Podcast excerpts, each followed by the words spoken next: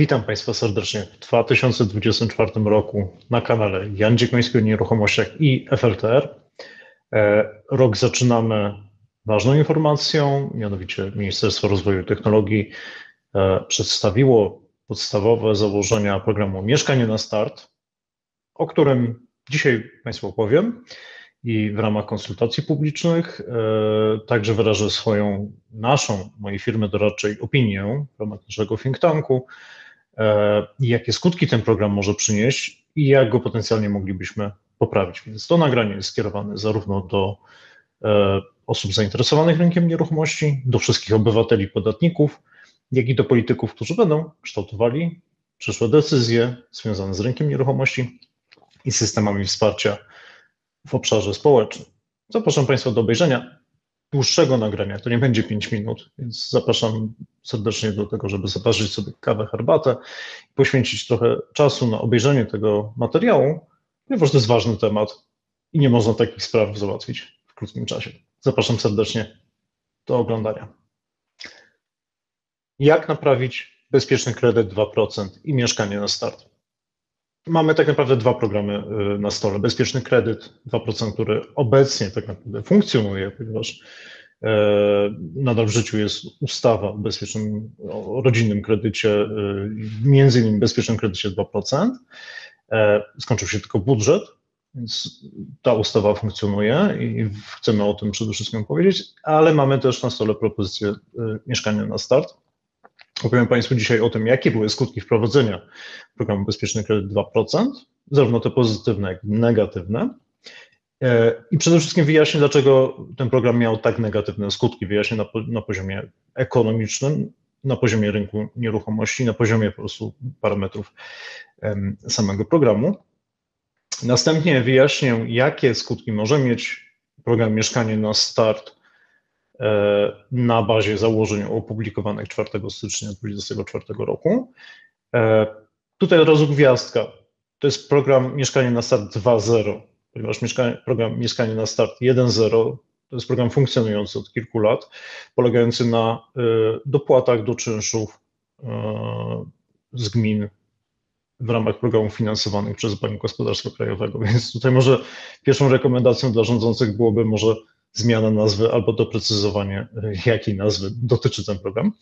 E, I następnie, albo wreszcie na koniec, e, wyjaśnię, jakie są opcje naprawienia zarówno programu Bezpieczny Kredyt 2%, jak i Mieszkanie na Start właśnie w tym nowym wydaniu, zarówno na bazie e, założeń, które zostały przedstawione, jak i innych pomysłów czy rekomendacji, które można w ramach tego programu wprowadzić. Zapraszam serdecznie do konkretów. Skutki wprowadzenia y, bezpiecznego kredytu 2%. Nie będę się rozwodził na temat tego, jak bezpieczny kredyt został skonstruowany, jakie miał założenia i parametry w takich dużych szczegółach. O tym było poświęcony szereg publikacji, nagrań. E, ustawa jest znana od ponad pół roku, znaczy w życiu jest od ponad pół roku, a znana jest dłużej. Mm, nie chcę się na ten temat rozwodzić. Zobaczmy, jakie są efekty.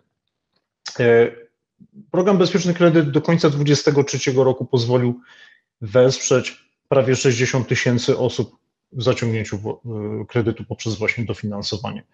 E, złożonych wniosków do końca roku było ponad 100 tysięcy, więc tak naprawdę jeszcze mm, ta liczba zawartych umów e, kredytowych na bezpieczny kredyt będzie jeszcze wyższa.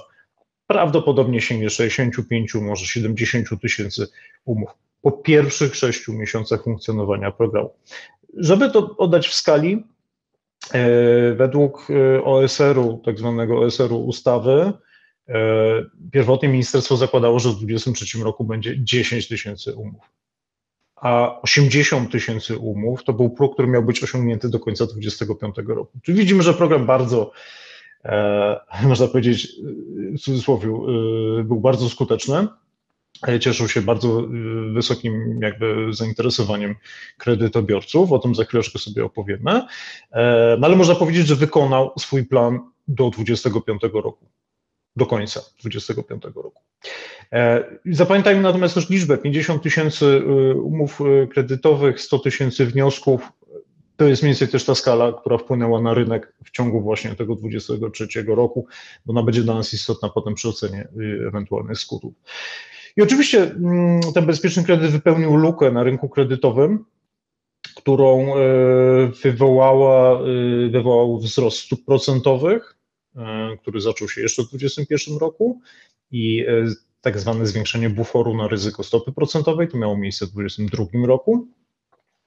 I zauważmy, że, że o ile jeszcze w 2021 roku, bardzo aktywny rok pod kątem kredytowym, kwartalnie 60-70 tysięcy umów było zawieranych, no to w 2022 roku pod koniec około 20 tysięcy.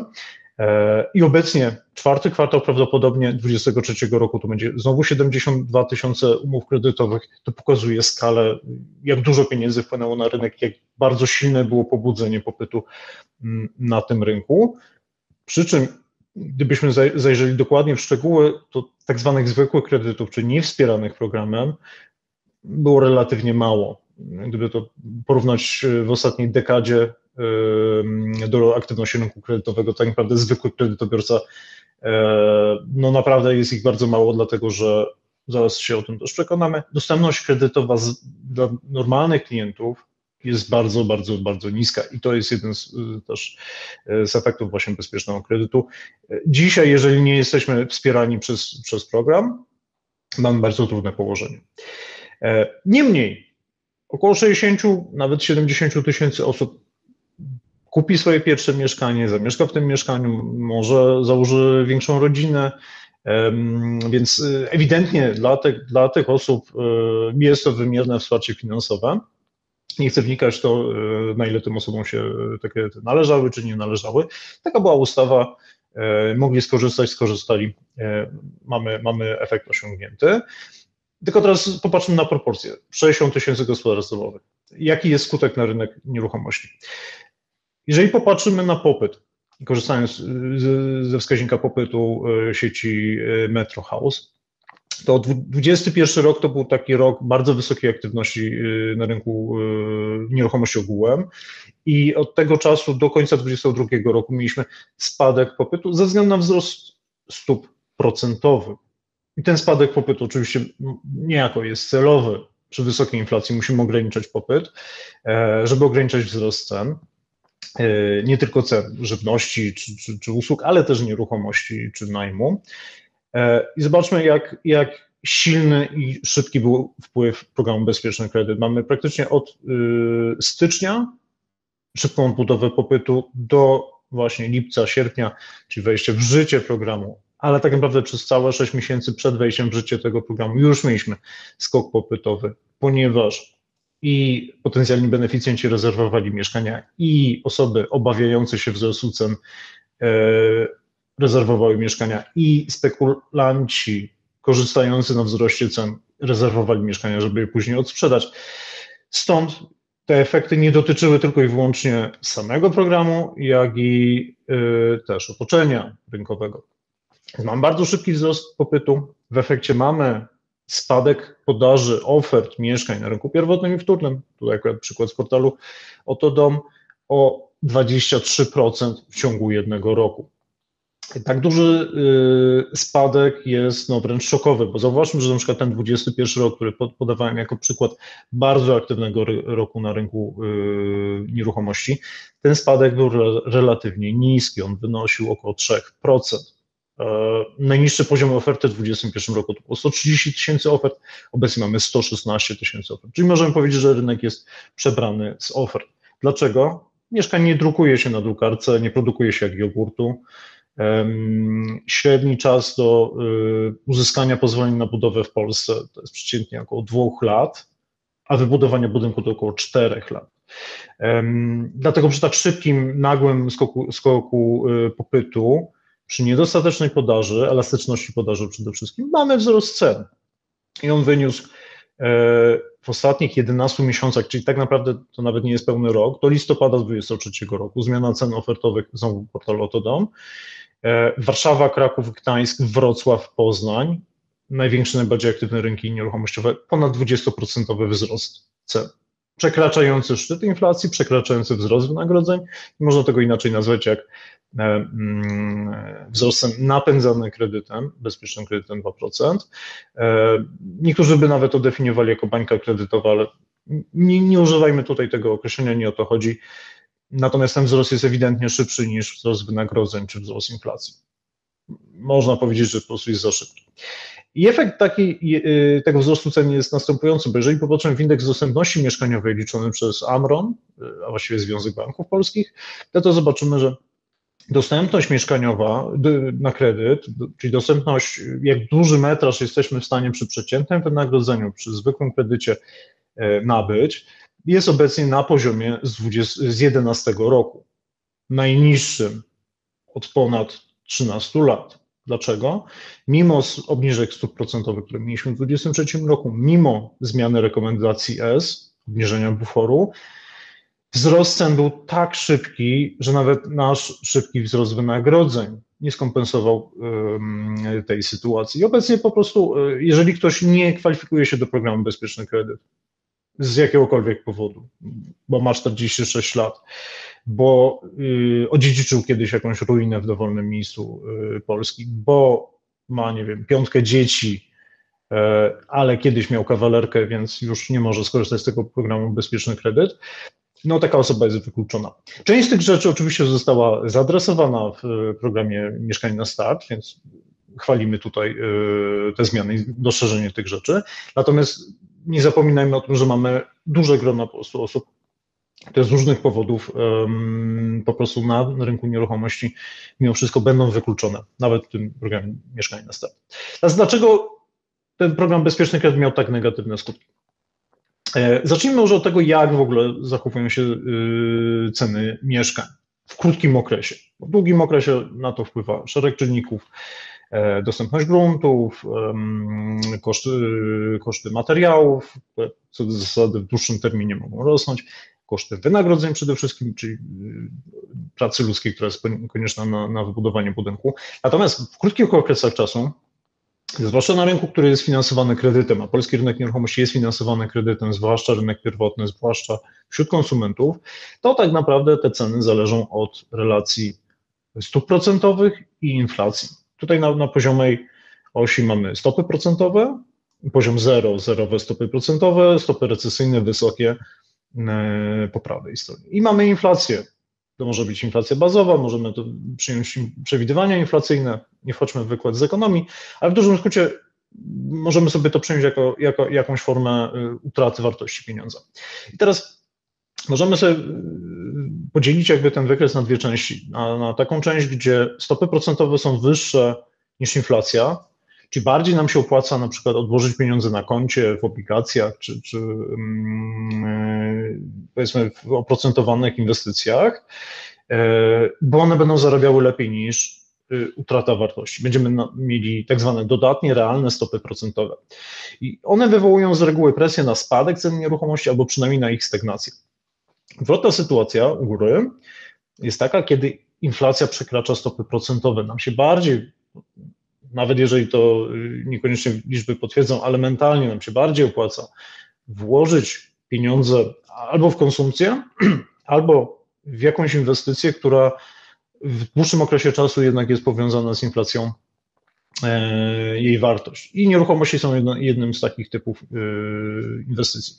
Kiedy, i zwłaszcza korzystając z kredytu, tak, w ogóle, bo jeżeli ktoś taki będzie sobie myślał, mm, mamy inflację 6%, a mam oprocentowanie 1%, to znaczy, że 5% zarabiam rocznie, płacę odsetki 1%, zyskuję 6% na wzroście wartości. Ja wolę zainwestować w nieruchomości i to się wtedy spełnia, bo mamy wysoki popyt inwestycyjny. E, tyle teorii. Jak to wyglądało w praktyce? 21 e, rok, ten, o którym mówiliśmy, że on miał, e, cechował się bardzo dużym poziomem popytu, E, to ten popyt nie wziął się z niczego. No, on się wziął po pierwsze z tego, że mieliśmy tak zwane odmrożenie covidowe, szczepienia, wzrost optymizmu e, związany właśnie z otwarciem gospodarki, koniec lockdownów i tak dalej, ale mieliśmy też przy praktycznie zerowym poziomie stopy referencyjnej e, początek wzrostu inflacji CPI i od jakiegoś czasu i tak wysoką inflację bazową. Czyli byliśmy w tym obszarze presji na wzrost cen nieruchomości. E, I te ceny wystrzeliły w tamtym roku, ale nie tak jak w tym, 23. E, no i standardowym jakby postępowaniem e, jest podwyższenie stóp procentowych. Możemy dyskutować, czy te podwyżki były adekwatne na czas i tak dalej. To nagranie też nie jest o tym. Niemniej przy wzroście inflacji zaczęliśmy podwyższać stopy procentowe, Rada Polityki Pieniężnej je podwyższała. E, przestała je podwyższać prawdopodobnie trochę może za, za, za wcześnie, ale znowu to jest bez znaczenia. Zobaczymy to za chwileczkę na, na wykresie cen. E, I kończymy de facto rok ze stopami nadal na poziomie takim dość recesyjnym, powyżej 5%, prawie 6% e, i 6% inflacji. Ostatni odczyt szacunkowy za grudzień to jest 6,1%. Czyli jesteśmy mniej więcej w tym obszarze właśnie takiej neutralnym, może lekkiego schładzania rynku. I książkowe postępowanie jest takie, rynek się schładza, inflacja spa, e, spada, może nie osiągamy deflacji, ale, ale no jednak wracamy do jakiegoś celu inflacyjnego. E, po tym, co widzimy praktycznie po całej Unii Europejskiej, także spadają ceny nieruchomości albo przynajmniej są stagnacji, i potem mamy obniżki stóp procentowych. To jest naturalne podejście i zresztą jest, jest to potwierdzone we wszystkich prognozach, że 24-25 rok prawdopodobnie będzie nam kolejne obniżki stóp procentowych e, przynosił. Do jakiego poziomu? Raczej nie do zera, bo to nie jest naturalny poziom długoterminowej stopy procentowej. 2%, które mieliśmy mm, przed COVID-em, właśnie półtora, e, też było troszeczkę za niskie, mm, biorąc pod uwagę tempo rozwoju polskiej gospodarki. Pewnie 3-4% ze wskazaniem na 4 obecnie ze względu na, na rynek pracy. E, to pewnie jest taka długoterminowa stopa procentowa w Polsce na najbliższe kilka lat. Wprowadzenie bezpiecznego kredytu 2%, plus jeszcze zapowiedzi e, obniżek stóp procentowych, jeszcze zmiany w rekomendacji S, nie były de facto niczym innym, jak powiedzenie dla pewnej grupy ludzi, jak się okazało całkiem dużej, 100 tysięcy e, wniosków, to jest ta grupa ludzi, mamy zerowe oprocentowanie kredytów. Dlaczego zerowe? Bo te 2% y, kosztu odsetkowego, jaki był ponoszony w ramach tego programu, to jest ten sam poziom oprocentowania, jaki mniej więcej były kredyty w 2021 roku. No bo 0% stopy referencyjnej, czy wyboru właściwie, ale marża dwuprocentowa mamy, mamy mniej więcej ten koszt. Czyli to jest tak, jakbyśmy mieli 21 rok, ale w otoczeniu bardzo wysokiej inflacji, E, I jeszcze oczekiwań, że ta inflacja no, raczej już spada, ale jeszcze będzie wysoka e, i przy niskiej elastyczności podaży. No więc naturalnym, naturalnym wydarzeniem było to, że wzrosły ceny, a wręcz wystrzeliły. Tutaj mamy wykres cen y, nominalnych cen transakcyjnych mieszkań na rynku pierwotnym i wtórnym, raportowany przez Narodowy Bank Polski we wszystkich miastach wojewódzkich w Polsce. Ostatnie 5, a właściwie 6 lat i możemy sobie przyjrzeć się, zwłaszcza temu okresowi 21-23 rok, ale gdybyśmy popatrzyli nawet na ostatnie 15 lat, to ten sam mechanizm możemy zaobserwować. 21 rok, zobaczmy, jaki, jaki mamy silny wzrost cenowy. Te wzrosty cenowe tutaj sięgały 15, 10-15%, w zależności od rynku e, i miasta, bo mieliśmy rosnącą inflację, ta inflacja nie tylko przekraczała stopy procentowe, ona rosła dodatkowo przy zerowych stopach procentowych. Czyli 21 rok, kto mógł kupował mieszkanie na kredyt e, albo za gotówkę. Rok 22 mamy stagnację, a na części rynków korekty cenowe, e, rynek turny w Warszawie e, i w szeregu dużych innych miast, także na rynku pierwotnym także były osiągane korekty cenowe. Naturalne, naturalne jakby zjawisko, to co widzimy, tak jak mówiłem też właśnie w Unii Europejskiej, bo mimo tej inflacji, ona, ta inflacja rosła w 2022 roku, to podwyżki stóp procentowych razem właśnie z rekomendacją zahamowały rynek nieruchomości. Wynagrodzenia nam zaczęły zwiększać dostępność yy, mieszkaniową. Gdyby to po prostu pozostawić na kolejny rok, na kolejne dwa lata, prawdopodobnie mielibyśmy dalsze spadki cen yy, i po prostu ekonomia zrobiłaby swoje. Natomiast e, po drodze pojawili się politycy, trochę wybory i chęć prowadzenia programu, który będzie stymulował popyt. Bo to bardzo fajnie wpływa przecież na, e, na e, wyniki wyborcze. I mimo rekordowej inflacji, zauważmy, że w grudniu 2022 roku, kiedy program był ogłoszony, inflacja była, wynosiła ponad 15%.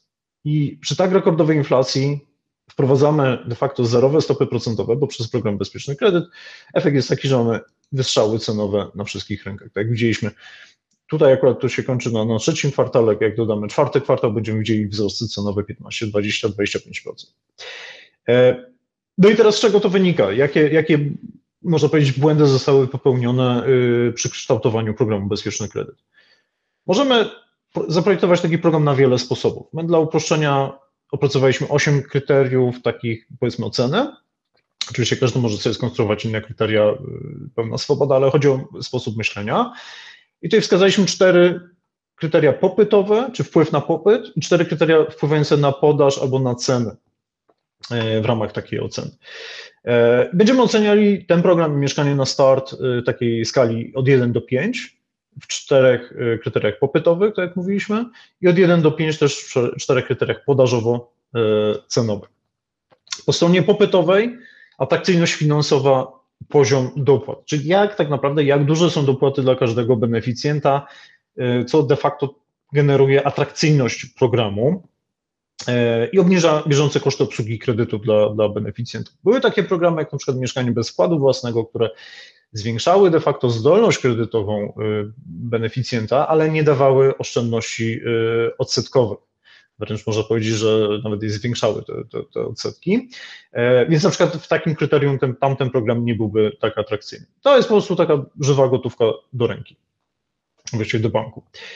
Kolejne kryterium to jest atrakcyjność finansowa pod kątem wzrostu zdolności kredytowej, bo największym problemem rynku nieruchomości 2022 roku nie, no były oczywiście odsetki, ale jeszcze większy problem to był y, wpływ na zdolność kredytową nowych kredytobiorców. Wzrostu procentowych obniża zdolność kredytową, czyli ten maksymalny kredyt, jaki można zaciągnąć. Więc jeżeli program nam zwiększa zdolność kredytową, działa taki efekt dźwigni y, finansowej, y, kredytobiorca może spokojnie zaciągnąć większy kredyt, no, no ale to też przekłada się na wzrost cen, no ponieważ nagle stajemy się zamożniejsi. Następnie szerokość, dostępno, szerokość y, dostępności programu, e, tych dopłat pod kątem kryteriów, e, czyli jak dużo potencjalnych beneficjentów łapie nam się do grupy, czyli jak bardzo wykluczamy pewne grupy społeczne czy ekonomiczne lub je włączamy jakby do tego programu. Może wpływać na to, czy, czy mm, popyt będzie duży czy niski w danym okresie czasu, no bo możemy dać hojne dopłaty, ale małej grupie ludzi więc wtedy ograniczamy niejako wpływ programu. No i wreszcie dostępność pod kątem budżetu, czyli ile mamy pieniędzy zablokowanych właśnie na takie dopłaty. E, możemy mieć bardzo szerokie kryteria, ale mały budżet, więc nam się skończy po 10 tysiącach na przykład kredytów i pozamiatane. To są kryteria popytowe. Im lepiej one są spełnione, im bardziej jest atrakcyjny program, im większy jest budżet, tym mocniej dany program stymuluje popyt, napędza ceny i ogranicza podaż tak, ogranicza podaż, ponieważ ściąga mieszkania z rynku. Po drugiej stronie mamy e, parametry podażowo-cenowe. E, I mamy tutaj, e, mamy tutaj po pierwsze stymulację podaży po stronie budownictwa indywidualnego, czyli na ile na przykład my zachęcamy naszych beneficjentów do tego, żeby kupili działkę albo mając działkę, zaciągnęli taki kredyt i zbudowali na tym indywidualnie samemu dom. Dlaczego to ma znaczenie? Ano ma dlatego znaczenie, że mm, to jest troszeczkę inny rynek niż rynek deweloperski czy rynek wtórny, e, bo de facto taka inwestycja ściąga nam popyt e, z rynku mieszkaniowego, przekierowuje go i ogranicza wpływ na ceny mieszkań, gdzie no poniekąd, poniekąd jakby jest to wytworzenie jakiejś tam nowej podaży indywidualnie, czyli e, odprężając też rynek właśnie wielorodzinny. Jednocześnie mamy takie kryterium też dla budownictwa deweloperskiego, czyli wielorodzinnego przede wszystkim, lub takiej zabudowy bliźniaczej, szeregowej, no bo ona dominuje e, na rynku deweloperskim. Na ile dany program stymuluje deweloperów do uruchamiania nowych projektów i zwiększania oferty mieszkaniowej. Oczywiście wzrost popytu w jakiś sposób e, na to wpływa, ale na to też są inne mechanizmy. Następnie, na ile program zawiera jakieś elementy y, czy mechanizmy, które obniżają koszty budowy, mm, czyli mają na celu obniżanie inflacji kosztów y, budowlanych. Te koszty w dużym uproszczeniu, takie główne to są grunty, materiały, robocizna. To te trzy składowe to jest największe, y, największe elementy realnego kosztu wybudowania budynku jednorodzinnego, indywidualnie albo całego bloku. I na ile dany program ma mechanizmy limitujące wzrost cen, czyli na przykład warunkujące dopłaty od tego, e, jaka jest dopłata, e, jaki jest poziom ceny danej nieruchomości. I teraz te kryteria podażowo-cenowe, im one są lepiej spełnione, im wyższa jest ocena, tym mniejszy, tym ogranicza się e, wzrost cen lub bardziej się stymuluje podaż. Czyli w dużym skrócie te popytowe, im wyżej, tym gorzej, tym gorzej dla cen przynajmniej, dla, dla, dla dostępności mieszkań dla pozostałych e, uczestników rynku, a te kryteria poprawy i podażowo-cenowe, im lepiej są spełniane, tym mamy słabszy wzrost cen, tym jakby te, te negatywne elementy są e, zmniejszone. Dlatego po lewej mamy popytowe tutaj zaznaczone czerwonym kolorem, podażowo-cenowe zielonym, bo one są pozytywne. Teraz możemy jeszcze dodatkowo sobie policzyć taką skumulowaną ocenę. Tutaj już Państwo mogą się zmęczyć troszeczkę, ale e, to dla osób, które będą wchodziły trochę głębiej w nasz sposób myślenia, e, to tłumaczymy. Mogą Państwo przewinąć do, do kolejnego rozdziału. Yy, to nagranie, jeżeli Państwo nie chcą wchodzić w takie niuanse. Możemy sobie policzyć ilo, iloczyn naszej oceny w, w obu z tych obszarów, żeby zobaczyć, na ile ten popyt z podażą nam się wyrównuje. Teraz to zobaczymy w praktyce. Teraz jak oceniliśmy program Bezpieczny Kredyt? I on został naszym zdaniem tak zaprojektowany i wdrożony, wdrożenie też ma znaczenie, że głównie wspierał popyt przy jakimkolwiek braku ograniczników wzrostu cen i bardzo niskim wpływie na nową podaż. Efekt był taki, że musiało to doprowadzić do skoku ceny, ceny cen nieruchomości i do ograniczenia podaży, do ograniczenia oferty. Idąc bardzo po kolei. E, program Bezpieczny Kredyt, tak jak mówiliśmy, dawał bardzo wysoki poziom dopłat. De facto mieliśmy poziom dopłat, e, tak jak rynkowe kredyty z okresu 2021 roku. Czyli on był atrakcyjny. Kto mógł z niego skorzystać, szedł do banku, no bo po prostu to się opłacało w dużym uproszczeniu. Mm, mimo nawet, y, albo zwłaszcza przy, przy kosztach kredytu 7-9% y, w okresie jego funkcjonowania, przy lokatach na bardzo podobnym poziomie i dwucyfrowej inflacji. No po prostu nie trzeba być ekonomistą, żeby, żeby czuć, że tamten program się opłacał.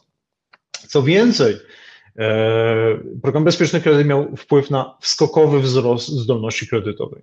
Nie tylko to była zmiana w rekomendacji S, bo tutaj KNF się do, do tego też przyczynił, e, ale przede wszystkim po prostu znowu parametry programu, y, hojne dofinansowanie powodowało, że zdolność kredytowa rosła jakieś 30, 40, nawet 50% e, takiego beneficjenta. Natomiast warto, trzeba podkreślić, że mimo wszystko program limitował tą maksymalną zdolność do 500 lub 600 tysięcy złotych. Takie były limity wynikające z programu. To trzeba podkreślić. E, program miał dość ograniczone warunki udzielania kredytu. De facto taką, takie dwa twarde ograniczenia to był wiek, 45 lat, ale już nie miało znaczenia, jaki był skład osobowy. Mogliśmy być niezależnie czy, czy, czy singlem, parą, małżeństwem, czy to byli obcokrajowcy, czy Polacy, to nie miało kompletnie znaczenia. Mogliśmy mieć dowolne dochody. Jedynego, czego, czego nie mogliśmy mieć, to nigdy w historii nie mogliśmy mieć mieszkania lub domu, czy nieruchomości mieszkalnej i w ostatnich latach e, nie mogliśmy być stroną kredytu. E, dlaczego mówię, że to są dość szerokie kryteria? No bo ponieważ do tego programu, tak licząc luźno, łapałoby się co najmniej 2 do 3 milionów osób. E, no oczywiście zdolność kredytowa była koniecznym tutaj elementem, ale zauważmy znowu, że ten program tą zdolność kredytową zwiększył. I jednocześnie program nie miał żadnych ograniczeń budżetowych w pierwszym roku, czyli można powiedzieć, ile fabryka dała, tyle można było przyjąć wniosków. Zobaczyliśmy wniosków ponad 100 tysięcy, czyli więcej niż przez 3 lata y, ministerstwo zakładało. Program był jednocześnie bardzo szeroko, intensywnie promowany z oczywistego względu wyborów parlamentarnych. E, budżet dopiero wszedł w życie w 2024 roku, zakończył ten program, ale to nie ma znaczenia, bo widzieliśmy, jaki był efekt w 2023 roku. Skumulowana ocena tego programu, jeżeli sobie pomnożymy te 4, 4, 4 i 5, mamy skumulowaną ocenę 320 punktów. Po stronie podaży, e, po pierwsze podaży indywidualnej, czyli samodzielnej budowy domu, e, program de facto gorzej traktował inwestycje polegające na budowie lub dokończeniu domu. Dlaczego? Hmm, kryteria, czy limity kredytowe, które były wprowadzone w ramach tego programu, one, y, no powiedzmy, pozwalały na to, żeby jakiś zakup wykonać jakby na rynku mieszkaniowym, natomiast na rynku domów, no to budowa domów w takim budżecie, no była zdecydowanie y, trudniejsza. Więc tam było szereg limitów, powiedzmy, narzucających y, w zakresie budowy domów i widzimy w statystykach, że raptem 10-15% takich kredytów poszło właśnie w tą stronę. E, program w ogóle nie, już był kompletnie niezachęcający na, w zakresie dokończenia domu, bo tam było 150-200 tysięcy e, kredytu, czyli jeżeli ktoś już miał wbitą łopatę w ziemię, no to de facto za to już nie był w stanie nic zrobić. De facto ta grupa była wykluczona. W zakresie podaży deweloperskiej, no można powiedzieć, że powiedzmy oceniliśmy to na, na jakieś tam 3, czyli środkową ocenę, z tego względu, że oczywiście, że program przyczynił się do wzrostu aktywności deweloperów, e, chociaż to nie jest taki poziom aktywności, jaki widzieliśmy na, przykład na przełomie 2021 2022 roku.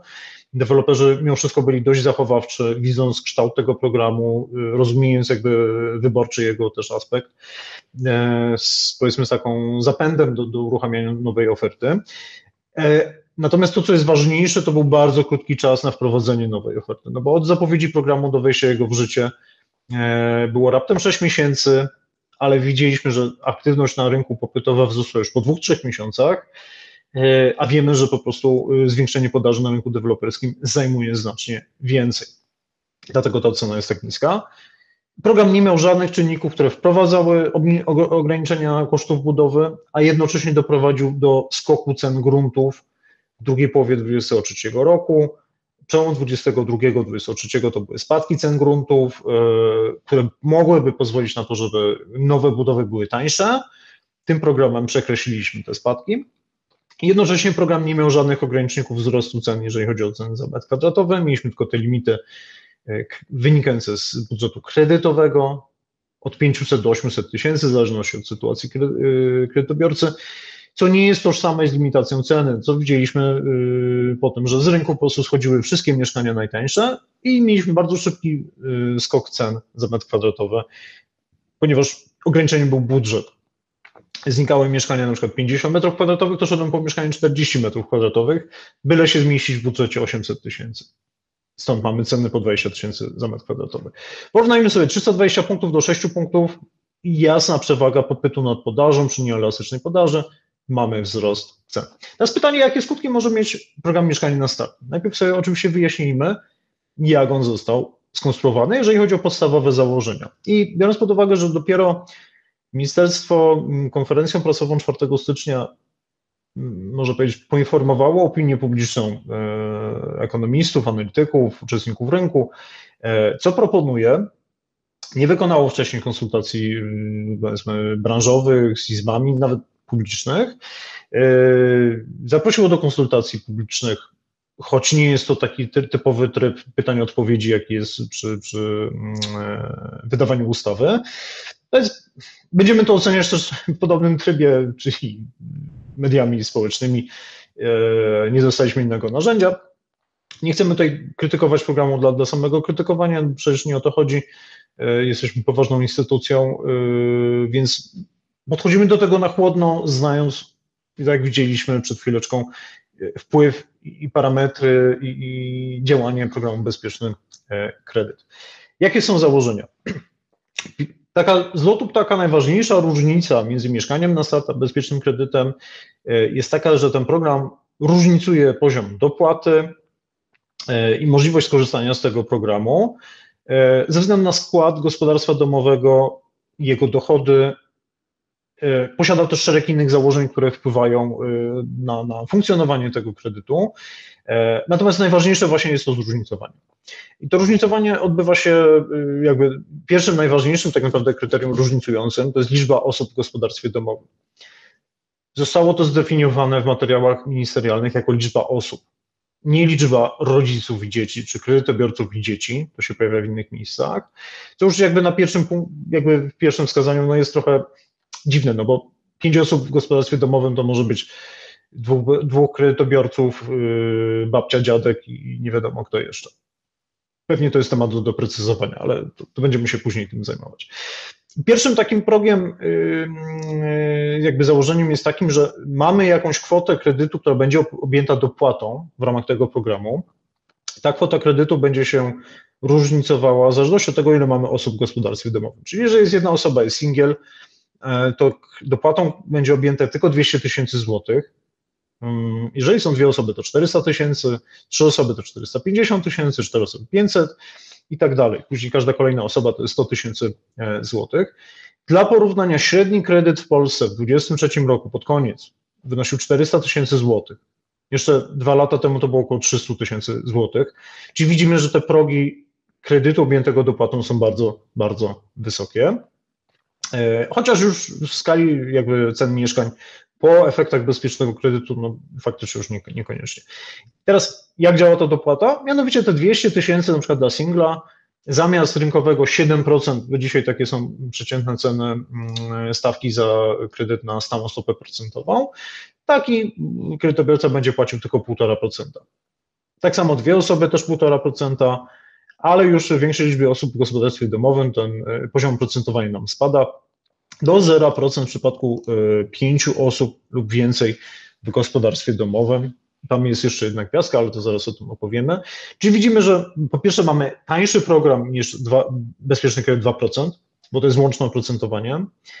Mamy trochę niższe y, progi, z wyjątkiem bardzo dużych gospodarstw domowych, jeżeli chodzi o y, elementy opłaty, objęte dopłatą. To jest taka pierwsza różnica. Natomiast jakie są kolejne różnice? Kolejna jest taka, że mamy pewne progi przychodowe. Nie możemy zarabiać więcej niż określona kwota.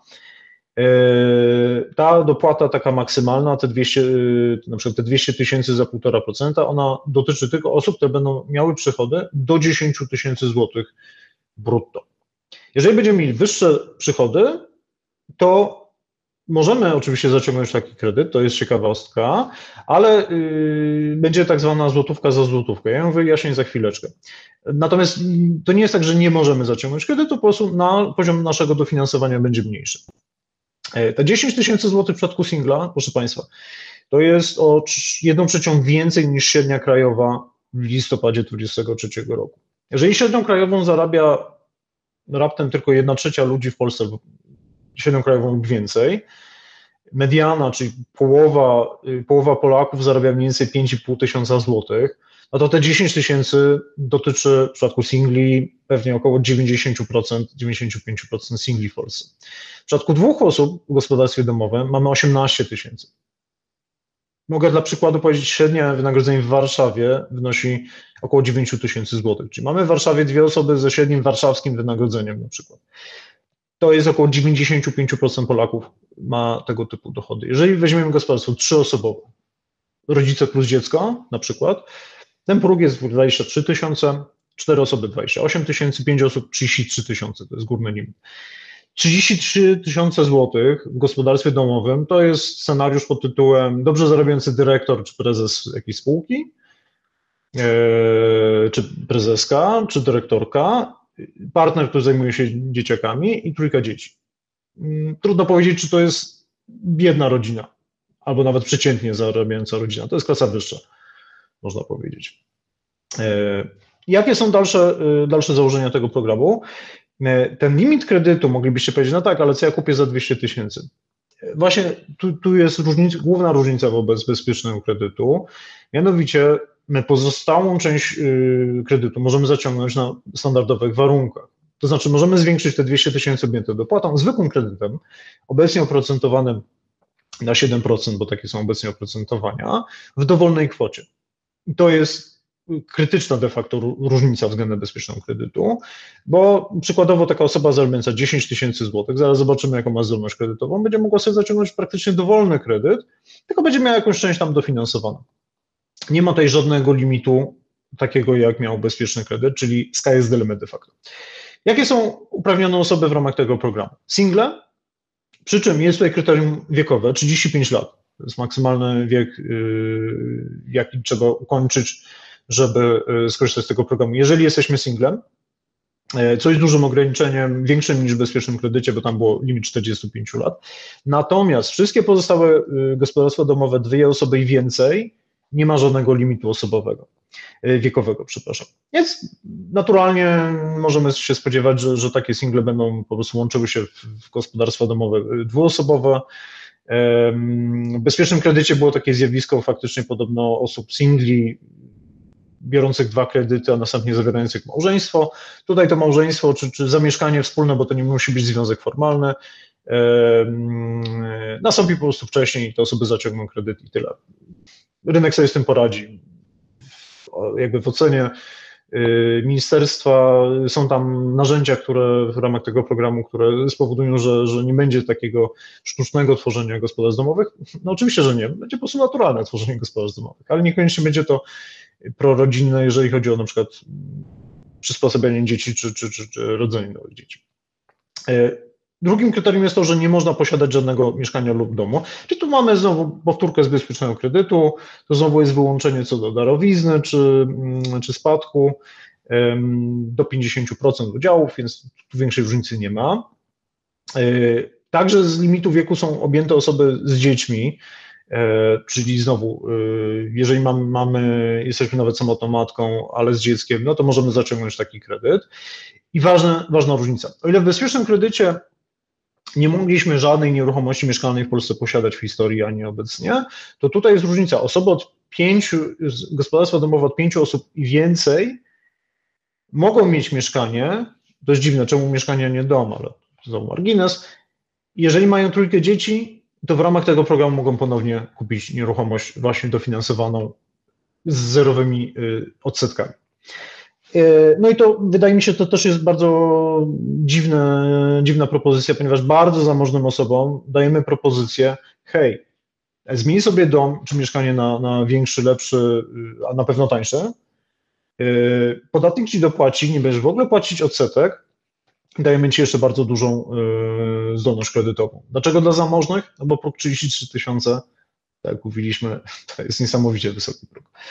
Jakie są pozostałe założenia tego programu? E, może dotyczyć i rynku pierwotnego i wtórnego, czyli wszystkich nieruchomości. Może dotyczyć zakupu mieszkania, zakupu domu, budowy domu, e, ale może też dotyczyć wkładu partycypacji do TBS i SIM, czyli Towarzystwa Budownictwa Społecznego y, albo Społecznych Inicjatyw Mieszkaniowych, czyli takich społecznych elementów dofinansowanych przez państwo, co uznajemy za bardzo dobrą zmianę e, i pochwalamy jakby ten, ten element, ponieważ państwo powinno wspierać właśnie budownictwo społeczne.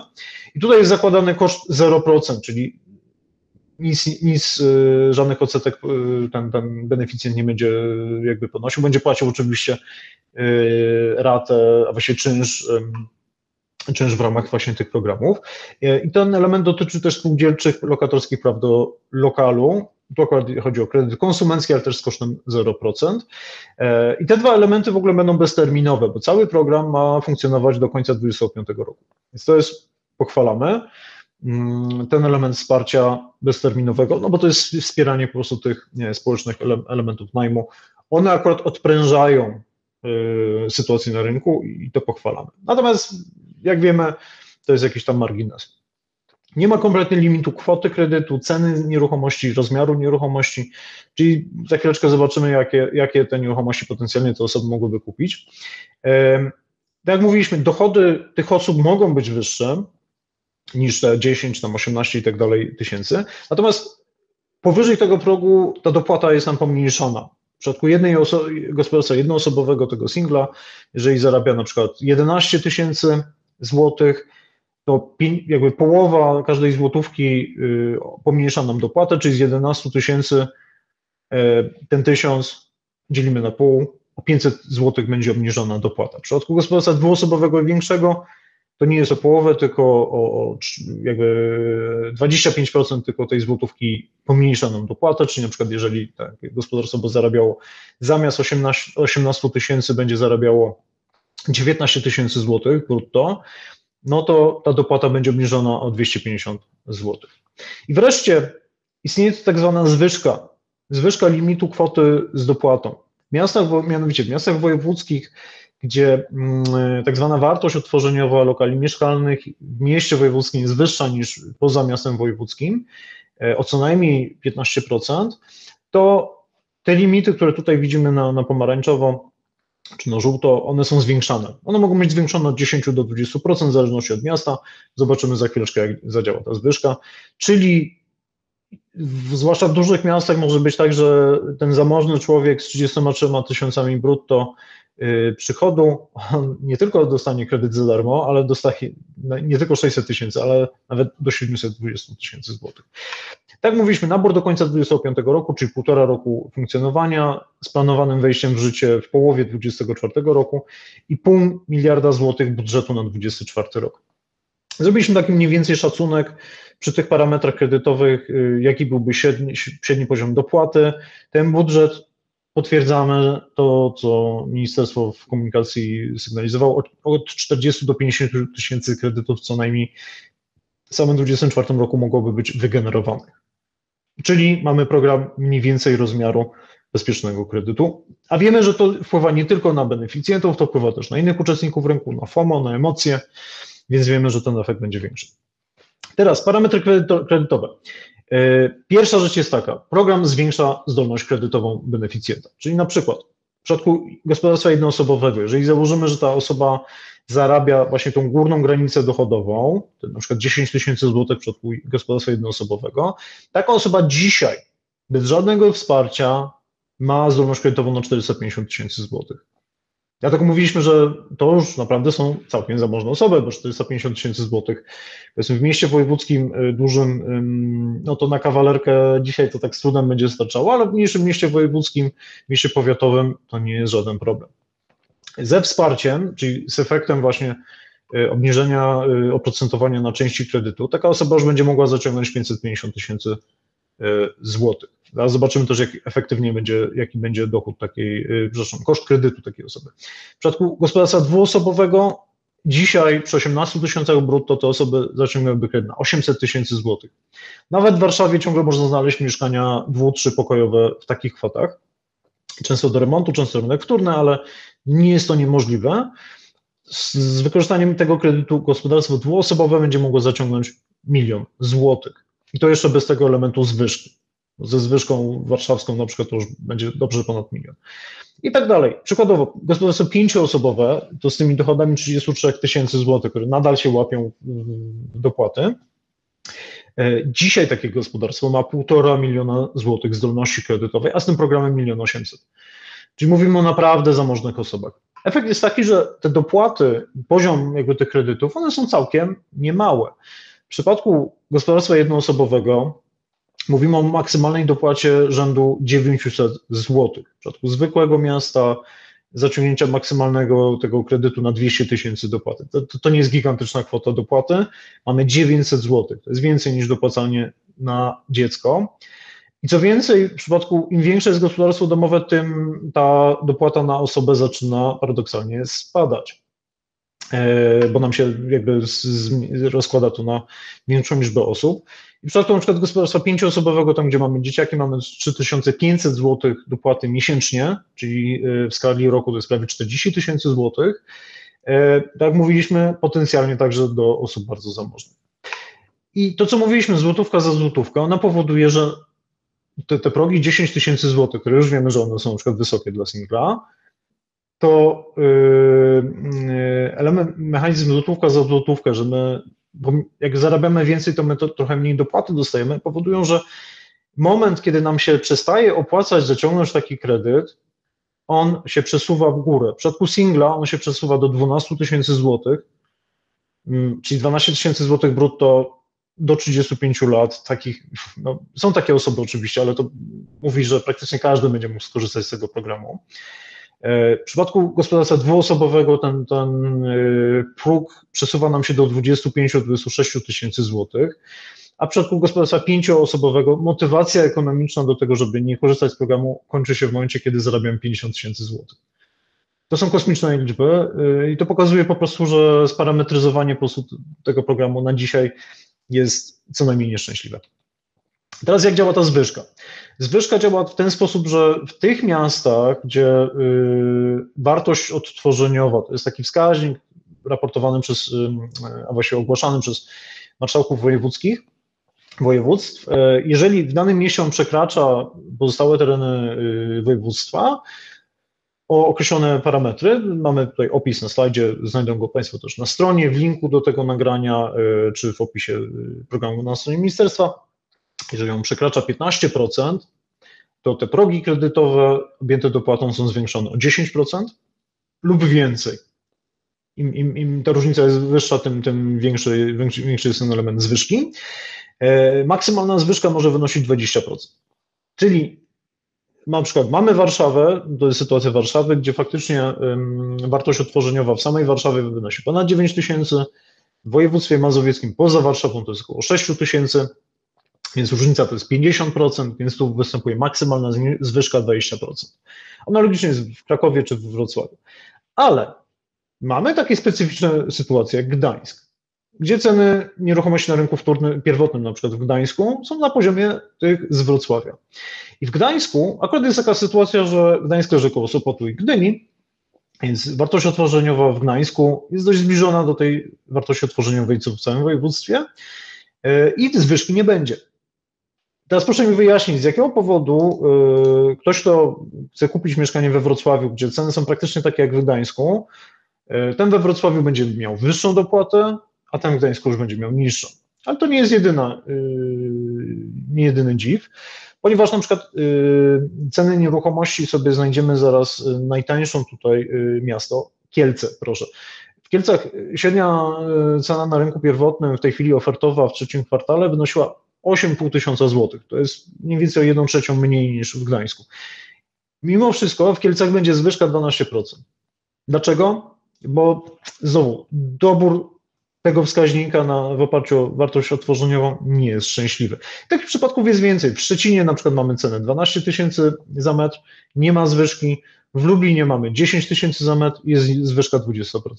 Totalnie jest to postawione na głowie. Więc moim zdaniem ten, ten, ten mechanizm kompletnie powinien być inaczej skonstruowany, ale do tego zaraz dojdziemy. Następnie możemy sobie zadać pytanie, no dobra, mamy te nasze takie maksymalne, jakby te, te, te poziomy dopłaty. Yy, jednoosobowe gospodarstwo dostaje 1,5%, będzie płaciło za ten kredyt 200 tysięcy, yy, a gospodarstwo na przykład pięcioosobowe będzie płaciło 0% za te 600 tysięcy. To są to takie maksymalne dopłaty. Ale pytanie, co by było, gdyby jednak ktoś zaciągnął większy kredyt?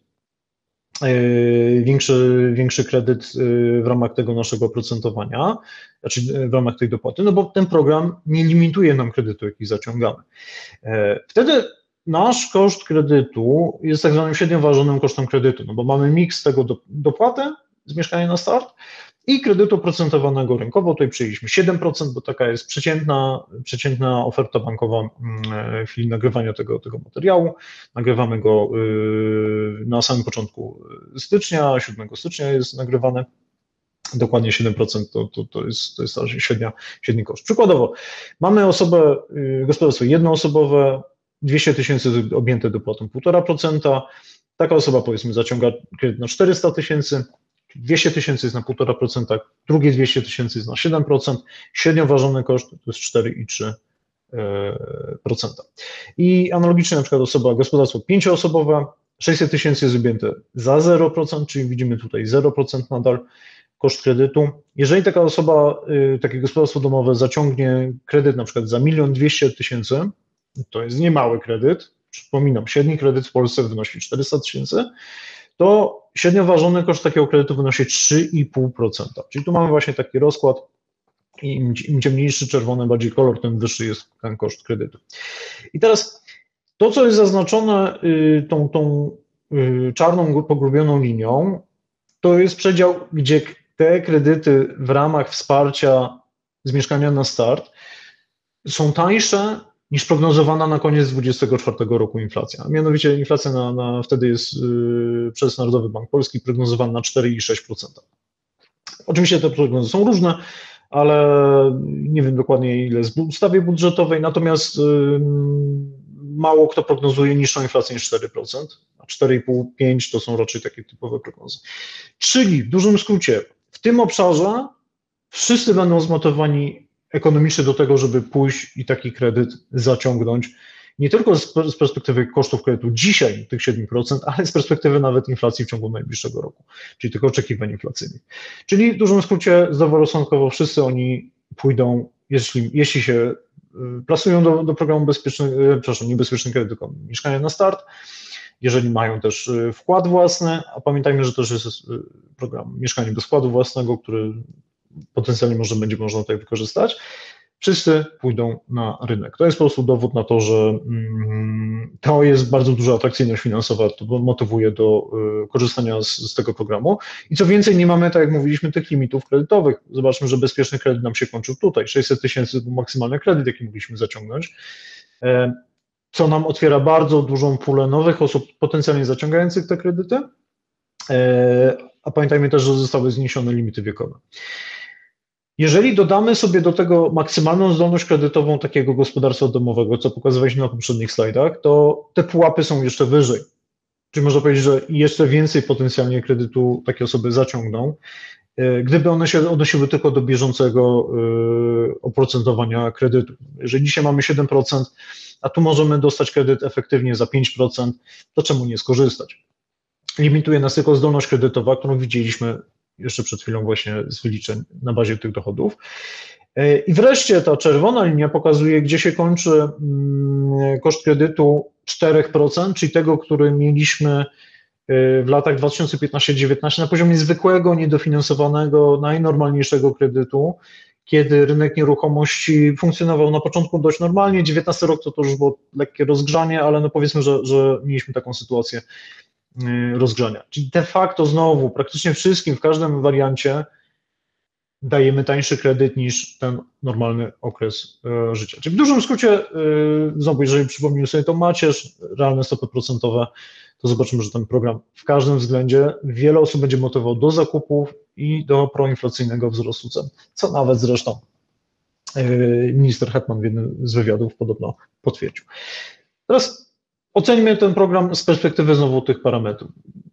Zanim może jeszcze do tego wejdziemy, na pewno y, trzeba pochwalić w ramach tego programu na przykład y, zróżnicowanie pod kątem dochodów, pod kątem składu gospodarstwa domowego. To są bardzo dobre pomysły. Bardzo dobrze trzeba ocenić na przykład bezterminowe wsparcie za 0% y, wejścia w programy społeczne, czyli TBS-y, SIM-y czy spółdzielcze prawo lokatorskie. To są ewidentnie wa ważne rzeczy. Natomiast garść krytyki, no jednak po, po, to jest to nagranie, po to jest zrozumienie, o co, o co chodzi w tym programie, jaki może być jego skutek. I teraz tak, z lotu ptaka, e, jeżeli po stronie podażowej ten program praktycznie działa jak bezpieczny kredyt 2%, tu nie ma praktycznie żadnych nowinek. Zaraz wejdziemy w szczegóły. Ministerstwo mówi, no tak, ale mamy inne rozwiązania, inne programy. Zaraz będziemy to komentować, ale one nie zadziałają do połowy roku to gwarantuję.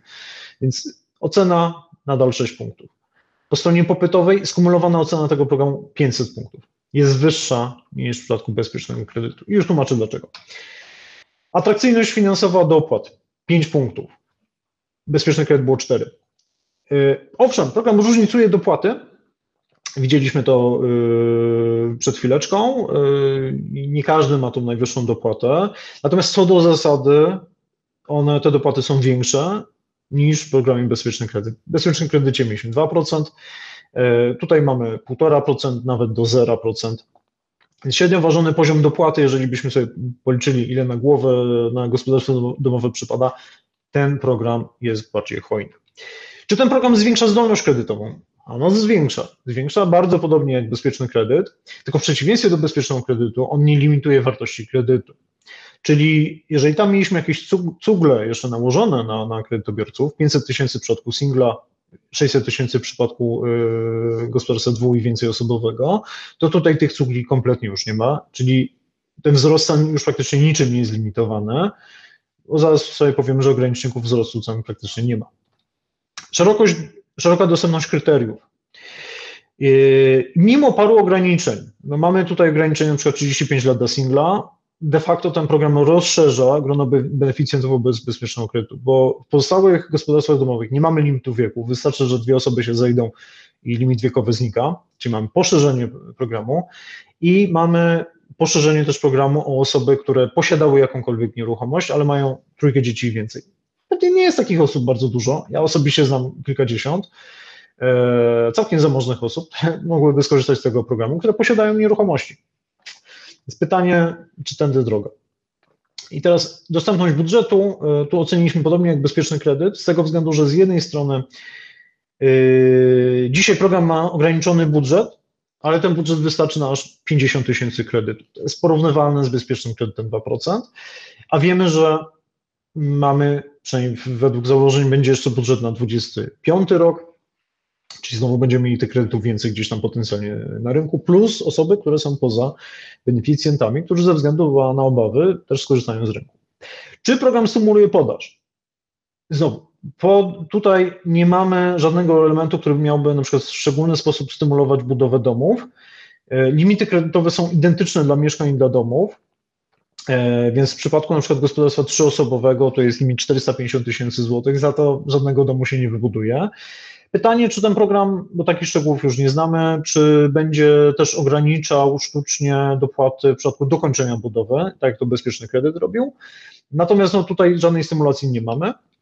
W przypadku stymulacji podaży deweloperskiej, oczywiście, że no, ten wysoki popyt część deweloperów może zmontować do tego, żeby jednak uruchomić projekty deweloperskie. Bezpieczny kredyt też tak robi. Natomiast widzimy, że wzrost oferty i, i aktywności budowlanej deweloperów po bezpiecznym kredycie wcale nie był tak gigantyczny. On ma taki poziom przeciętny z lat 2018-17. To nie są jakieś tam super rekordy, więc ewidentnie tej stymulacji jakiejś mm, dłużej nie ma, poza tak po prostu tym wpływem na popyt i ceny. Nie ma tam żadnych czynników zachęcających, o których opowiem za chwileczkę. Natomiast y, mamy równie krótki czas na przygotowanie nowej oferty w dużym skrócie pół roku to nie da się nowe, wygenerować nowych, nowych projektów. Jedyne, co się wygeneruje w tym czasie, to wzrost kosztów gruntów, jaki widzieliśmy przy bezpiecznym kredycie, czyli te nowe projekty, które będą wchodziły, e, deweloperzy po prostu będą mogli zgodnie zresztą z rachunkiem ekonomicznym po prostu zaproponować jeszcze wyższe ceny. No, taki będzie efekt. Bo program też nie ma żadnych czynników, które wprowadzałyby ograniczenia kosztów budowy, powiedzmy mechanizmy, które mogłyby w jakiś sposób powodować, że ta budowa nie będzie znacznie droższa, no bo jak zwiększamy popyt, zwiększamy budow aktywność budowlaną, no to przecież rośnie, rosną, rosną też koszty robocizny. Materiałów niekoniecznie, bo to, to są bardziej globalne rynki, ale w dłuższym terminie też mogą na materiały się przekładać, więc y, tutaj ten program tego nie, nie posiada i nie posiada żadnych ograniczników wzrostu cen. Jeżeli nawet byśmy przyjęli, że bezpieczny kredyt miał ten limit 500-600 tysięcy, no to tutaj tego kompletnie nie ma. Suma summarum, efekt tego programu będzie jeszcze większy niż bezpieczny kredyt. Negatywny mam na myśli, czyli wpływający na osoby, które nie mogą być beneficjentami tego programu z różnego powodu. E, nie tylko z tego powodu, że ktoś posiada nieruchomość, nie tylko z tego powodu, że ktoś jest singlem i ma 36 lat, ale też z powodu na przykład tego, że e, tych osób po prostu nie byłoby stać z jakiegoś powodu na, na mieszkanie, bo znowu największy problem mają te osoby, które zarabiają poniżej średniej krajowej, no to tutaj ten program jakoś specjalnie ich też nie wyratuje. Teraz, jakie są opcje naprawienia, czy to bezpiecznego kredytu jako funkcjonującego programu, czy mieszkania na start? Jaka w ramach konsultacji publicznych jest nasza, nasza opinia?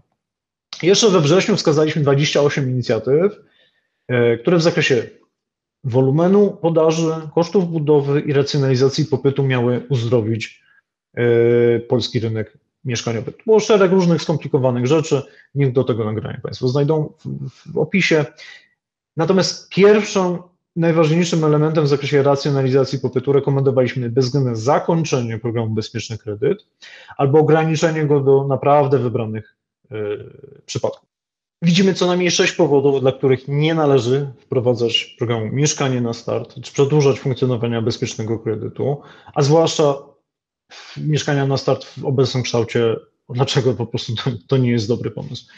Po pierwsze, mamy bardzo niską podaż na rynku nieruchomości. Jest to obecnie 3 czwarte tego, co było przed wprowadzeniem bezpiecznego kredytu. To jest najmniej w perspektywie dekady, jeżeli chodzi o rynek pierwotny. E, I o ile w momencie, kiedy poprzedni rząd wprowadzał, ogłaszał właściwie bezpieczny kredyt, to podaż była relatywnie wysoka, przez to, że mieliśmy ochłodzenie rynku w 2022 roku. Więc y, można było powiedzieć, dobra, wspieramy trochę rynek, żeby go pobudzić. My dzisiaj nie potrzebujemy pobudzać rynku, my mamy problem z tym, że nie mamy czego tym y, potencjalnym beneficjentom dać w ramach tego programu, dlatego y, skutki niestety negatywne byłyby znacznie bardziej dotkliwe. Po drugie, Już dzisiaj mamy bardzo niską dostępność mieszkań dla osób wykluczonych z programu. To jest poziom mniej więcej z 2011-2012 roku. Jeżeli ktoś się nie łapie do tego programu z różnych powodów, no po prostu y, jest totalnie poza rynkiem. Kompletnie. I ten program tego nie poprawi, tylko to pogorszy. De facto będziemy mieli sytuację lepsi kontra gorsi. E, skumulowany efekt tego, co miało miejsce w 2023 roku, jeżeli chodzi o obniżki stóp procentowych i zmian rekomendacji S, one już zwiększyły zdolność kredytową 35%. Całą tą zdolność kredytową dodatkową zjadł program Bezpieczny Kredyt. Teraz, jeżeli będziemy mieli dalsze obniżki stóp procentowych w przyszłości, co mówi sam, samo ministerstwo, no przecież y, do 2025 roku będzie ten program, bo potem przecież inflacja spadnie, stopy procentowe spadną, y, więc y, jakby ten program już nie będzie potrzebny, no fajnie, ale wszelkie wszelkie po prostu korzyści z, z, jakby z tych obniżek stóp procentowych właśnie zje ten program, bo on podbije ceny. I to zrobił bezpieczny kredyt. Wszystkie te, te korzyści skonsumowały wzrosty cen i teraz za dwa lata okaże się po prostu, że obniżone zostały stopy procentowe, ale znowu ceny nieruchomości poszły w górę i znowu trzeba będzie kontynuować kolejny program, no bo znowu nikomu się to nie, opłaca, znaczy nie ma możliwości de facto kupna, bo tej zdolności kredytowej brakuje. My już mieliśmy ten wzrost zdolności kredytowej. Gdybyśmy nie mieli programu Bezpieczny Kredyt, mielibyśmy już rozwiązany problem mieszkaniowy. To jest też, też po prostu argument. Co więcej, faktycznie, skoro mamy tą bliską perspektywę dalszych obniżek stóp procentowych, to przecież ta perspektywa jest bliższa niż w momencie, kiedy bezpieczny kredyt był wprowadzony, no to obecnie, że tak powiem, jesteśmy o rok bliżej. E, I w 2024-2025 roku e, większość analityków wskazuje, że prawdopodobnie będą obniżki stóp procentowych. Perspektywa roku tak naprawdę w skali rynku nieruchomości, także rozwiązania problemu mieszkaniowego, to jest bardzo krótki czas. Po co na tak krótki czas wprowadzać program, który ponownie na zdestabilizowanym rynku jakby dosypie jeszcze więcej popytu, bo prawdopodobnie ten wpływ programu będzie na stymulację popytu jeszcze większy niż program Bezpieczny Kredyt, ze względu na jego hojność i szerokość. I wreszcie historia pokazuje, że te programy popytowe mają tendencję jedynie do generowania inflacji lub wzrostu cen nieruchomości. Tu mamy 15-25% w przypadku bezpiecznego kredytu. Także w przypadku pierwszego etapu rodziny na swoim, czyli lata 2007-2008, też mieliśmy skokowy wzrost cen. to, to się dzieje. One nie zawsze stymulują podaż, i nie zawsze zwiększają dzietność, bo tutaj też się dużo mówi, że program jest targetowany do osób z dziećmi i tak dalej. E, tak jak Rodzin 500 Plus nie do końca na to wpłynęło, tak samo e, programy właśnie te kredytowe, no to tym bardziej nie, na to nie wpływają. Gdyby natomiast było konsensusem utrzymanie jakiejś systemowej formy wspierania dojścia do własności poprzez kredyt, e, bo to się obiecało na przykład w kampanii wyborczej tu, tu nie mamy co się oszukiwać, przecież to nie jest przypadek, że program zaczyna dopłaty od poziomu 1,5%, czyli obietnica PSL-u, a kończy na 0%, obietnica Koalicji Obywatelskiej. No nie oszukujmy się, wiemy skąd to się bierze. Jeżeli politycy no, tak bardzo koniecznie chcieliby ten program gdzieś kontynuować, no to naprawdę rekomenduję, zmieńmy szereg elementów programu. Tych rekomendacji jest 8.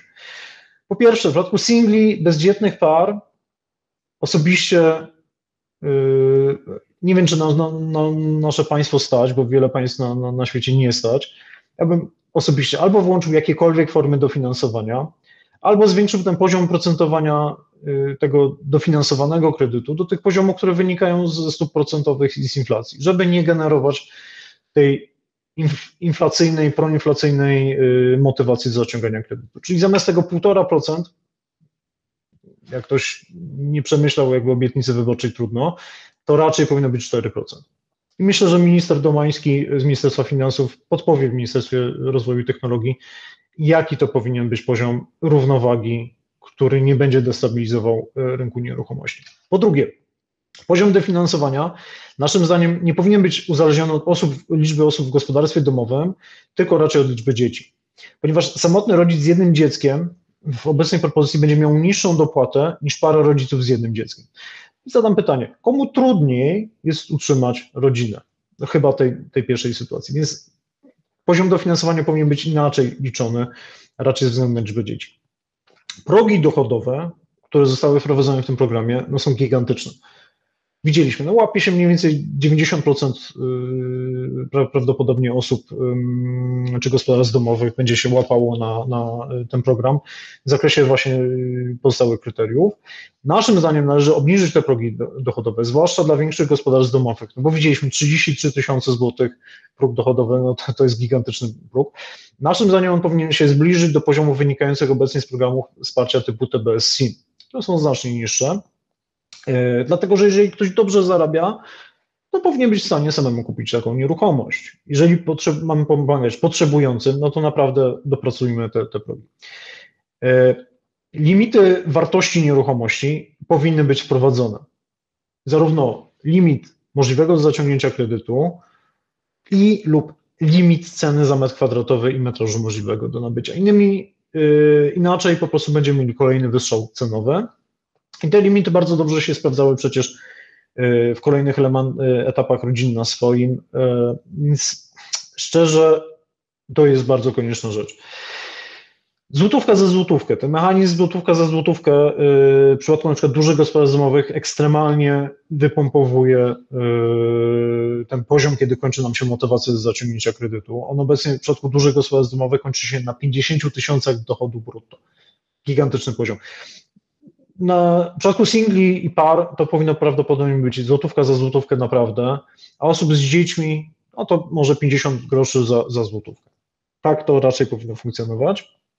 Mechanizm zwyżki powinien być bardziej adekwatny dla realiów. Widzieliśmy e, powiedzmy takie bardzo niestandardowe zachowania. Gdańsk, zero zwyżki, e, Lublin, bardzo wysoka zwyżka. Raczej bym go oparł na różnicach bieżących cenach nieruchomości, ale też skorygowane różnice w dochodach poszczególnych miast, no bo jasne, że w Warszawie są wyższe ceny nieruchomości niż, e, dajmy na to, w Lublinie, więc Warszawa powinna mieć wyższe teoretycznie dopłaty, ale z drugiej strony ludzie w Warszawie więcej zarabiają, więc trzeba tu troszeczkę dopracować. I wreszcie harmonogram wdrożenia. Moim zdaniem mm, program powinien wejść co najmniej w życie e, na początku 2025 roku lub później, aby dać czas na wzrost podaży, na przygotowanie nowych projektów deweloperskich, wprowadzenie ich do na rynek e, i zblokowanie trochę tego, co się wydarzyło przy bezpiecznym kredycie 2%, czyli tego szokowego wejścia popytu. E, po to też, żeby dać czas na wejście w życie tych innych inicjatyw propodażowych, o których mówi minister, których jeszcze nie zobaczyliśmy. Natomiast naszym zdaniem moglibyśmy zrobić też tak, że mm, ten program dla singli bezdzietnych par, na przykład on mógłby funkcjonować tylko krótko do 25 roku przy niskiej dopłacie 4%, natomiast program w części prorodzinnej, y, duże gospodarstwo domowe, czemu by go nie wydłużyć? Tylko przy niższych znowu progach dochodowych. I wreszcie zakup kolejnej nieruchomości w przypadku właśnie tych gospodarstw domowych y, z trójką dzieci i więcej Naszym zdaniem powinien być wprowadzony wymóg sprzedaży poprzedniej nieruchomości w ciągu 12 miesięcy pod rygorem utraty dopłaty i zwrotu e, uzyskanych dopłat. Dlaczego? No bo obecnie ten program dla takich osób może generować po prostu zachętę do budowy majątku, drugi dom, drugie mieszkanie, czy naprawdę na nas na to stać. I wreszcie na sam koniec. Mamy 16 innych propozycji.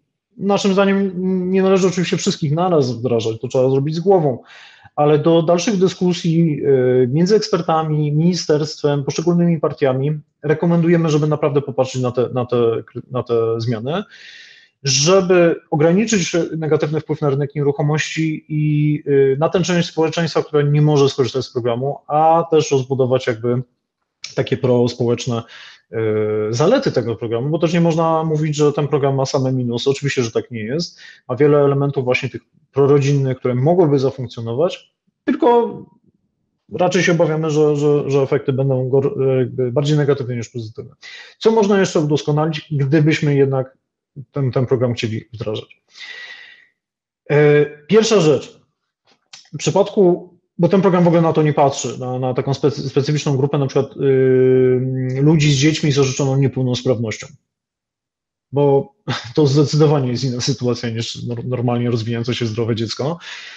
Kredyt 0% na przykład powinien być y, dostępny dla rodzin z dziećmi z orzeczoną niepełnosprawnością. Dzisiaj mamy, możemy mieć sytuację samotnego ojca, matki z niepełnosprawnym, z dzieckiem z niepełnosprawnościami który de facto jest traktowany obecnie jak, jak para bezdzietna, 1,5% niski limit. No nie, to, to, to powinno zupełnie inaczej wyglądać, jeżeli, jeżeli chodzi o ten program. Oczywiście to zaczyna generować komplikację urzędową to trzeba weryfikować i tak dalej, czy bank ma, ma ku temu jakby podstawę. No i to znowu stawia w ogóle pytanie, w jaki sposób my wspieramy tego typu osoby w Polsce, więc może na tym trzeba się zastanowić.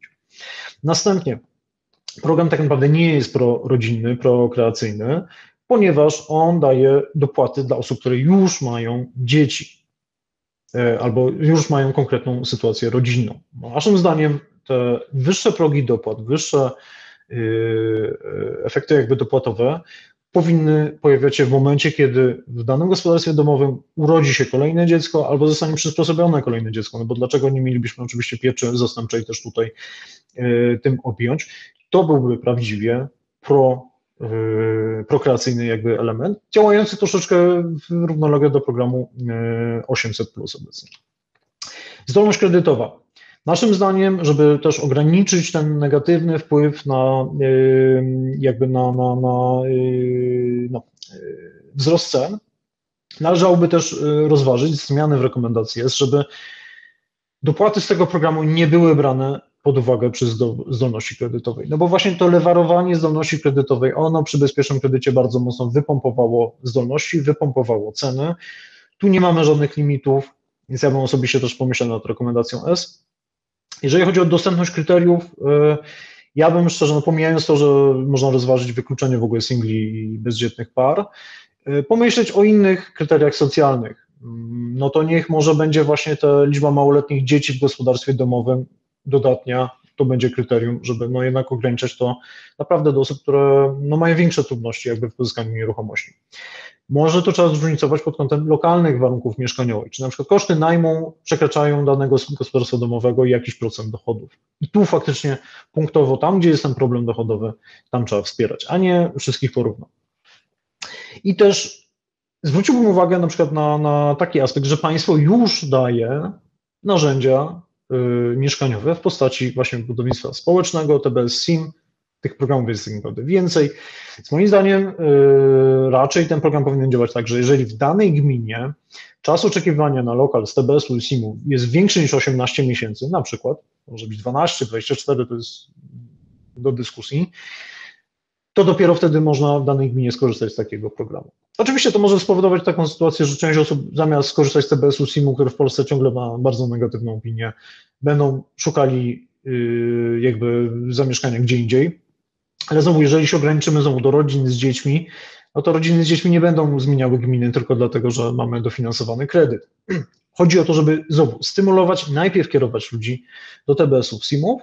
Jeżeli te TBS-y, SIM-y są w danej gminie dostępne, państwo już dopłaca w danej gminie do, do, do, do jakby podaży, to podaż jest niewykorzystana, no to żadnych kredytów, proszę korzystać z TBS-ów, SIM-ów. Dostępność pod kątem budżetu. Gdybyśmy nie wprowadzali innych ograniczników, to naszym zdaniem ten budżet powinien być mniejszy i rozłożony na więcej lat.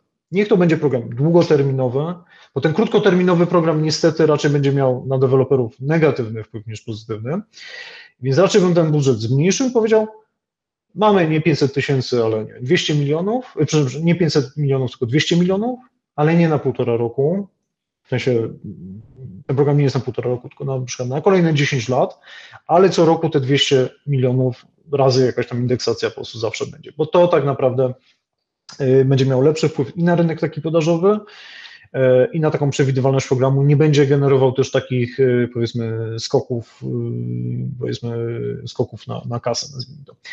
I to, co bym, jeśli byśmy zatrzymali natomiast budżet 500 milionów, to ja bym zróżnicował tą pulę, bo dzisiaj te 500 milionów jest dla wszystkich. Dla TBS-arzy, dla singli, dla dużych rodzin. Lepiej, jeżeli podzielimy ten budżet na pulę, Osobna pula dla rodzin z dziećmi, osobna pula dla TBS-ów SIM-ów, osobna pula dla singli.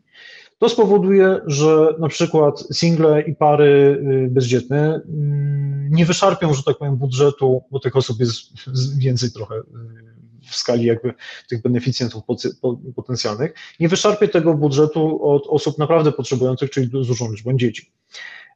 Z drugiej strony odwrotnie, te osoby z dużą liczbą dzieci, czy tam korzystające z TBS-ów, SIM-ów, nie wyszarpią te, tego budżetu znowu tym singlem. Oczywiście mamy krótką kołderkę, więc trzeba zrobić tak, żeby tych kołderek było więcej. I zdecydowanie, jeżeli ktoś padnie na pomysł, nie ma limitów w tym roku, na przykład prowadzenia czegoś takiego, no zdecydowanie to odradzamy, bo przy bezpiecznym kredycie widzieliśmy, jak to działa. W przypadku budownictwa indywidualnego rekomendujemy wprowadzenie zachęt, na przykład wyższy limit dopłaty albo y, tańszy kredyt. W przypadku, gdybyśmy mieli, y, gdybyśmy mieli budowę indywidualną domu, to odciąża nam rynek mieszkaniowe, no bo de facto ten, ten popyt się przenosi kompletnie gdzie indziej. Nie mamy takiego ewidentnego ruchu na rynku, bo tu wystarczy kupić działkę. Tych działek jest relatywnie dużo obecnie. Natomiast powinniśmy jeszcze dodatkowo motywować y, inwestowanie w efektywność energetyczną, czyli na przykład, jeżeli ktoś zbuduje dom y, z, ze wskaźnikiem EP, czyli tej efektywności w zakresie energii pierwotnej, jeszcze niższym niż wymagają tego warunki techniczne, to dopłata będzie wyższa, na przykład nie, o jeden punkt procentowy. E, jednocześnie dobrze by było, gdyby program miał zachęty e, nie tylko do kupna nowej nieruchomości, ale też, żeby był moduł dotyczący remontu i na przykład podziału domów, co też w innych krajach się sprawdzało. Czyli na przykład yy, celem sfinansowania może być remont generalny budynku, domu jednorodzinnego, ale z podzieleniem tego domu na dwie części, na dwa lokale mieszkalne, gdzie ten drugi będzie nie wiem, sprzedany, wynajmowany, ale trafi na rynek w jakikolwiek sposób. E, żeby znowu tą podaż właśnie w tym budownictwie jednorodzinnym generować, bo to jest możliwe. W zakresie budownictwa deweloperskiego e, jednym z rozwiązań, które jest stosowane też w innych krajach jest to, że na przykład e, programy mogłyby być objęte tylko i wyłącznie na przykład mieszkania w takich projektach, gdzie w ramach projektu deweloper buduje nie tylko mieszkania na własność, bo umówmy się, własność mieszkania to jest luksus, i to mimo wszystko zawsze będzie dotyczyło bardziej zamożnych osób, no to okej, okay. możemy dofinansować taką działalność dla dewelopera i taką działalność, taką powiedzmy dofinansowanie dla, dla beneficjenta, ale w ramach tego projektu muszą być też wybudowane mieszkania na wynajem, które będą skierowane w ramach wiem, partnerstwa publiczno-prywatnego, czy jakiegokolwiek innego rozwiązania, czy poprzez dawnego programu mieszkania na start, do programu na przykład typu SIM, czy, czy społecznych agencji najmu. Chcesz beneficjencie dostać pieniądze od podatnika? Nie ma problemu. Ale zapłacisz dużo za mieszkanie na rynku pierwotnym, bo ten deweloper będzie musiał wybudować ileś mieszkań na wynajem społeczny. Bo jeżeli, jeżeli mamy rozwijać rynek równolegle, te programy muszą działać razem, a nie w oderwaniu o siebie. Można też bardzo przewrotnie, część osób się może zdziwić, ograniczyć program tylko i wyłącznie do rynku pierwotnego. Nie robić rynku wtórnego. Dlaczego? Mm, z jednej strony rynek pierwotny w cenie mieszkania na rynku pierwotnym jest około 20% podatków, składek, e, czy to VAT-u, czy to CIT-u, czy to yy, składek ZUS-owych dla, dla, dla pracowników i tak dalej, które wracają do budżetu Skarbu Państwa. W przypadku kupna mieszkania to jest od 0 lub 2%, w zależności od tego, jaki podatek PCC jest płacony. Różnica jest gigantyczna de facto rynek pierwotny trochę mimo wszystko zwrotnie finans, refinansuje ten funkcjonowanie programu. Można byłoby o tym pomyśleć. Tyle, że zwróćmy uwagę, że na rynku pierwotnym mamy ograniczoną podaż. Więc musimy dać długi czas na wejście w życie tego programu, żeby deweloperzy mogli przygotować projekty i co więcej, na przykład tym programem powinny być na przykład objęte tylko projekty z PMB uzyskanym po określonej dacie, która byłaby ruchoma. Dlaczego? To by powodowało, że deweloperzy, żeby skorzystać z tego programu, musieliby naprawdę uruchomić nowe projekty, uzyskać nowe pozwolenia na budowę. I tutaj chodziłoby o taki stymulujący dla nich y, zastrzyk. Możecie skorzystać, są dopłaty, ale musicie uruchamiać nowe projekty, nie możecie w tym upakować danych projektów. W zakresie obniżania kosztów budowy nie ma bardzo dużych możliwości. Oczywiście nie można ustawowo stwierdzić, że no dobra, teraz stal będzie kosztowała tyle, a godzina robocizny pracownika tyle. Dlatego też są inne narzędzia. Natomiast można zastanowić się nad tym, co też jest wprowadzone w różnych krajach, Irlandia, Singapur.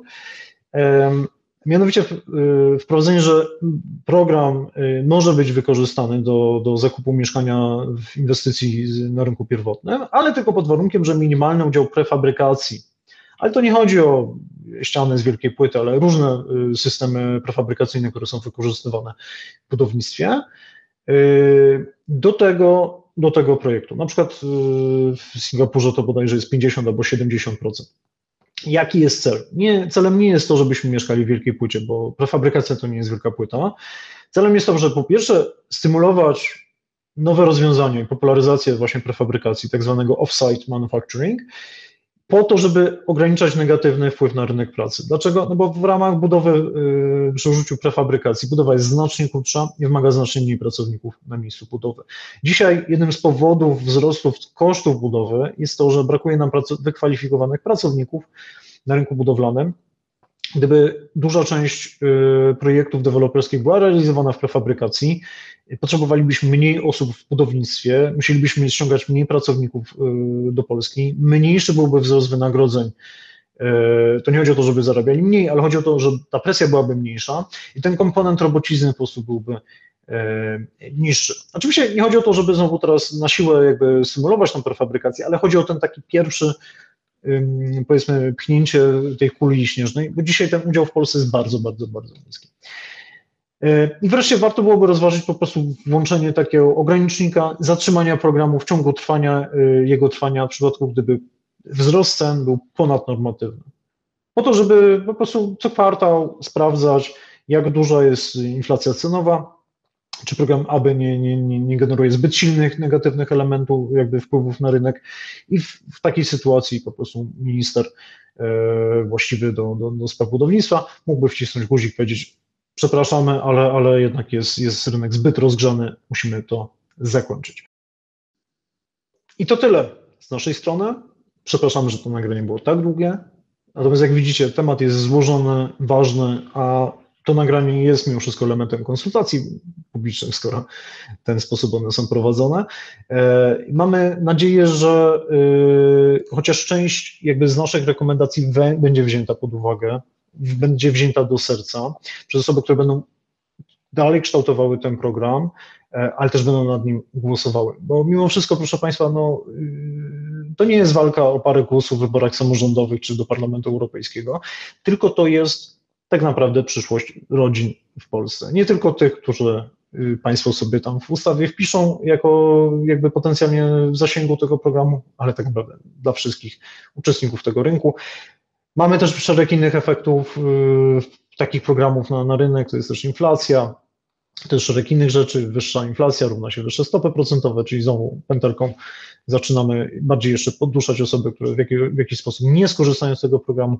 Proszę Państwa, w ramach Polskiego Obywatelskiego Obowiązku, proszę Państwa, rekomenduję bardzo dużo rozsądku, spokoju w ramach pracy nad tym programem i wykorzystanie naprawdę merytorycznych argumentów, dla których albo ten program kompletnie należy po prostu odstawić na półkę, mimo jego walorów wyborczych, zrezygnować z niego, lub po prostu na znacznie mocniej dopracować ten program, żeby był akceptowalny, biorąc pod uwagę też oczywiście skład większości parlamentarnej, bo chyba ten program niekoniecznie tą większość musi uzyskać, trzeba jeszcze nad nim popracować. Dziękuję Państwu serdecznie. Do usłyszenia, do zobaczenia.